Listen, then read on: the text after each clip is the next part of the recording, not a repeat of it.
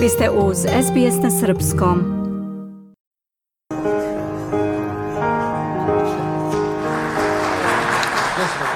Proslavljeni filmski reditelj Emir Kusturica promovisao je pre nekoliko dana svoju novu knjigu Kad mrtve duše marširaju u velikoj sali Studenskog kulturnog centra u Beogradu.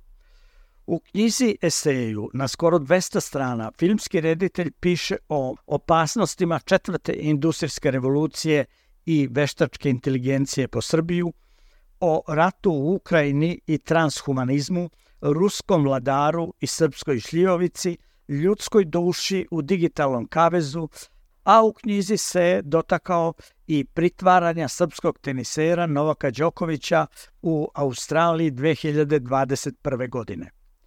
Obraćajući se prisutnima, Kusturica je naveo da čovečanstvom danas vlada digitalni svet, ali da je umetnost toliko velika da je ništa na svetu ne može zameniti. Prema njegovim rečima, u tom smislu sebičnosti i pohlepe neminovno je da nestaju duhovnost i umetnost. Zatim je kazao. Tamo stoji negde da su bioskopska vrata zatvorena, ne sva naravno, ali kako vrijeme odmiče sve će biti više zatvorenih, ne samo zahvaljujući stjenicama, zavese su navučene, iznenađena i pomalo uprošena mrakom, publika se utišala, sa nadom očekuje da filmska slika pobjedi tamo i zaigra, plat, zaigra po platu. Mrak je, kao što znamo, najgušći pred svitanje. To je i posljednja rečenica u ovoj knjizi. Pored autora, o knjizi su govorili profesor dr. Milo Lompar i direktor izdanja Branimir Nešić, dok je moderatorka bila književnica Vesna Kapor. Ova knjiga koju je Emir napisao čita se bez daha, kad mrtve duše marširiju i njena, njena tema i motivi vidljivi su kad izađete na ulicu, pričate telefonom, gledate televiziju ili lutate beskućima društvenih mreža.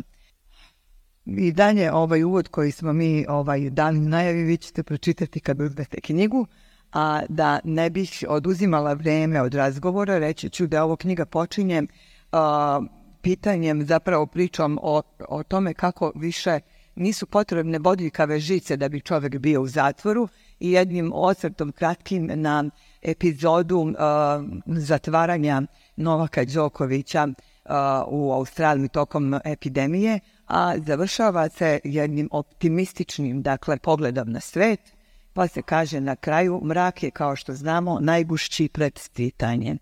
Ove nove duše Gogoljevske, Gogoljevske odmah dakle asociraju na Gogolja.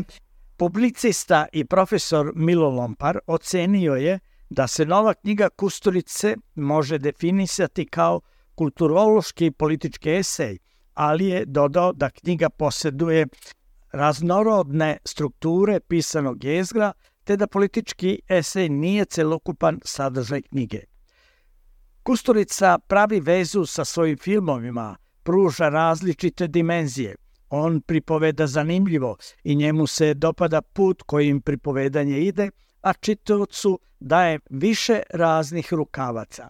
Pisac izražava stav prema svetu, pruža svoje opažanja između njega i čitoca, ali i sveta.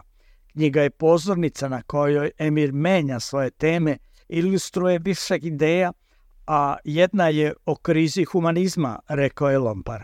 On je dodao da Kusturica negoje biće hrišćanstva, biće čovečanstva i biće umetnosti. Stavlja jedan malo vidi ulog neočekivano na stvar književnosti.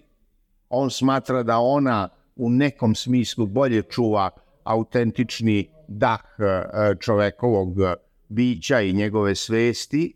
To je zanimljivo obzirom da je, da kažemo tako, osnovna prepoznatljivost Emira Kusturice vezana za filmsku umetnost.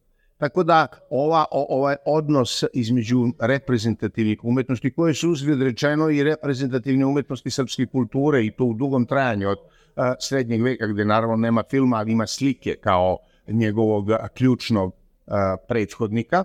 Dakle, taj moment ličnog stava se onda vezuje sa nekim vrlo zanimljivim iskustvima iz detinstva, iz života, jednim vrlo inspirativnim, a kratko skiciranim očevim portretom. Dakle, gde mi vidimo da je u stvari pripovedanje ove knjige više smerno i, i u više oblika. Ona je, ima, ispunjava jedan od najdragocenijih uvida, a to je da je veoma zanimljiva. Čita se vrlo lako, ima jednu dikciju koja je prepoznatljiva i u tom smislu predstavlja angažman u ime čega? Angažman je sad to je paradoks u ime klasičnih vrednosti. Slavni reditelj je pored knjige Kad mrtve duše marširaju do sada objavio četiri naslova. Roman Smrt je neprovjerena glasina, zbirku pripovedaka Sto jada, knjigu esej Šta mi ovo treba i roman esej o Nobelovcu Peteru Hankeu Vidiš li da ne vidim? Iz Beograda za SBS Hranislav Nikolić.